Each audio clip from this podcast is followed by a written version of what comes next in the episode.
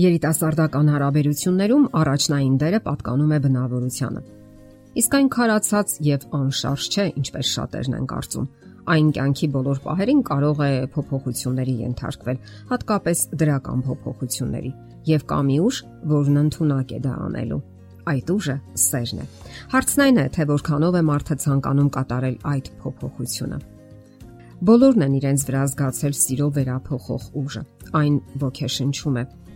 ոգևորում է եւ ոչ քիչ դեպքերում մղում երանդուն գործողությունների։ Վստահություն է հաղորդում թե հարաբերությունների եւ թե ապագայի հանդեպ ընդհանրապես։ Պատահական չէ, որ ոգևորված մարդկանց կատակով այսպիսի հարց են տալիս. «Հո սիրահարված չես»։ Սակայն սիրահարված մարդիկ ողրվում է ունենում են նաև տագնապներ եւ անհանգստություն, ինչպիսին եմ ես։ Ինչպես է ազդում սերն իմ անհատականության վրա։ Արդյոք դեպի վատը չեմ փոխվում ես իսկ միգուցե կորցնում եմ իմ անհատականությունը։ Շատերն էլ մտածում են, որ սերը մարդուն տանում է ազատության ու ներդաշնակության։ Իսկ բոլոր դեպքերում հայտնի է, որ սերը լուրջ փոփոխություններ է առաջացնում մարդու մեջ։ Հոգեբաններին նույնպես հետաքրքրում է սիրահարվածության առեղծվածը։ Հոգեբան Քրիստիան Դեյվիդը անդրադառնում է այդ հարցերին սիրահարվածության վիճակը գրքում։ Սիրո զգացումը նա համեմատում է նոր ծնունդի կամ վերածննդի հետ ապա փորձում է հասկանալ, թե իրականում ինչպիսի փոփոխություններ է առաջացնում սիրահարվածությունը մեր մեջ։ Լինեն դրանք սիրո կրքոտ պորտքումներ, թե տևական հարաբերություններ։ Եվ այսպես, սիրահարվածությունն առաջին հերթին հսկայական ցնցումներ է առաջացնում մեր մեջ։ Անհանգստությունն ու կասկածները սկսում են խախտել մեր ներքին անդորը եւ սպառնում մեր կյանքի բնականon ընթացքին։ Մեկ այլ հոգեվեր լուծաբան Մոնիկ Դեյվիդ Մոնարը գրում է. Մենք վախ ենք ապրում, երբ անկանոնություն է հայտնվում մեր կյանքում։ Մեզ թվում է, թե հայտնվել ենք անհայտության մեջ։ Մենք հուսահատ փորձեր ենք անում հասկանալու, թե պետք ենք արդյոք այն մյուսին, որքանով է նա հետաքրքրված մեր կյանքով, որքանով ունի մեր կարիքը։ Ինչ է կարծում, արդյոք սերը իդեալական է։ Մարդիկ իդեալականացնում են սերը եւ ուրախությամբ ու անհամբերությամբ սպասում նրան։ Սակայն այդ հաճելի զգացումը միայն բավականություն չէ, որ բերում է իր հետ։ Այն բազմաթիվ հարցեր ու անհանգստության պատճառներ ունի։ Մենք հայտնվում ենք խոցելի վիճակում։ Մեր եսը հանկարծակի թուլանում է անսպասելիությունից եւ մեկ այլ անznավորության հրաշալի ներկայությունից։ Ահա թե ինչու մենք կարծես անհայտության մեջ ենք հայտնվում մեկ այլ անznավորություն դառնում է մեր մտքերի առարկան եւ նա հանելուկային է, անօրսալի ու խորթավոր։ Եվ այդ վիճակում իսկապես որ մենք անհանգստանալու առիթներ ունենք, իսկ արդյոք նա նույնքան կապված է մեզ հետ, ինչքան կտևի այս ամենը։ Իսկ արդյոք նա նույնքան կապված է մեզ հետ, որքան կտևի այս ամենը։ Եվ մենք սկսում ենք ապրել կյանքի ընդհատվող ռիթմով։ Յուրաքանչյուր հաջորդ պահը շատ անկանխագուշակելի է։ Սիրահարվածությանը հաջորդող ընթացքը կարող է լինել միաձուլումը,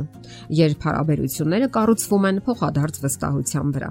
Սիրահարները սկսում են միմյանց հետ կիսել իրենց կյանքը։ Նրանք որոշակիորեն խաղաղ ընթացքի մեջ են մտնում ապա հայտնաբերում են, որ այնքան էլ ված չէ եւ նույնիսկ շատ լավ է, երբ կարողանում են ապրել մեզ անծանոթ մի այլ անznավորության հետ։ Այս ամենին արդեն սկսում է հաջորդել միմյանց կյանքը ընդունելը, դիմացինի ճաշակն ու սովորությունները կենսաձևը ընդունելը։ Դուք սկսում եք սիրել համատեղ երեկոյան զբոսանքները,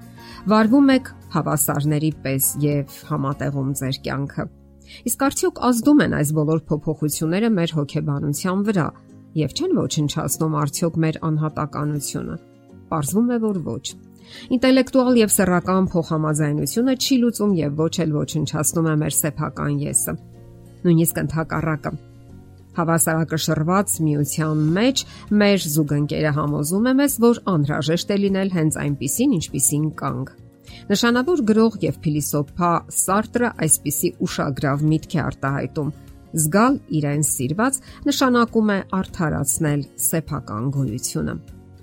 Երջանիկ սերը վստահության եւ անդորի նոր զգացում է ներարկում մեզ։ Այս վիճակում մենք կարողանում ենք հստակ ձևակերպել, սահմանել սեփական նկատառումներն ու մղումները, ուղղություն հաղորդել սեփական նպատակներին եւ վերջապես հստակ կառուցել սեփական կյանքը։ Հոգեբաններն առաջարկում են ուշադրություն դարձնել այն ուժին, որը հայտնվում է սիրահարների կյանքում, երբ նրանք լուրջ կապվածություն են զգում։ Այն թույլ է տալիս գերազանցել իրեն եւ ընդունել մյուս մարդուն բացահայտում է մարդու անznազողության հոգին, ինչպես նաև իրեն սիրելու ընտունակությունը։ Գրող Կլոդ Հաբիբն օրինակ այն կարծիքին է, որ սիրահարվածության ժամանակ որքան շատ ժամանակ է անցնում, այնքան ավելի շատ են դրական փոփոխություններ լինում մեր մեջ, որովհետև համատեղ կյանքի վայելքները նոր գույներ եւ նոր թափ են հաղորդում մեր գոյությանը։ Զույգը սկսում է տարածություն հատկացնել ուրախ, հաճելի մերց հարաբերություններին Նրանք բավականություն են զգում միմյանց ներկայությունից, զգում են դիմացինի խոսքերը, բառերն ու մտքերը։ Նրանք հասկանում են միմյանց անգամ առանց բառերի, թափանցում են միմյանց հոգու գաղտնարանները, ցանկությունների ու երազանքների մեջ, եւ դա շատ հաճելի է նրանց համար։ Եվ միգուցե հենց այս դեպքի համար են ասված հայտնի գրող Պոլ Էլյուարի խոսքերը. Սերն աշխարհում գոյություն ունի այն բանի համար, որ մոռանանք աշխարհը։ Եթերում ճանապար երկուսով հաղորդաշարն է։ Ձեզ հետ է Գեղեցիկ Մարտիրոսյանը։ Հարցերի եւ առաջարկությունների համար զանգահարել 033 87 87 87 հեռախոսահամարով։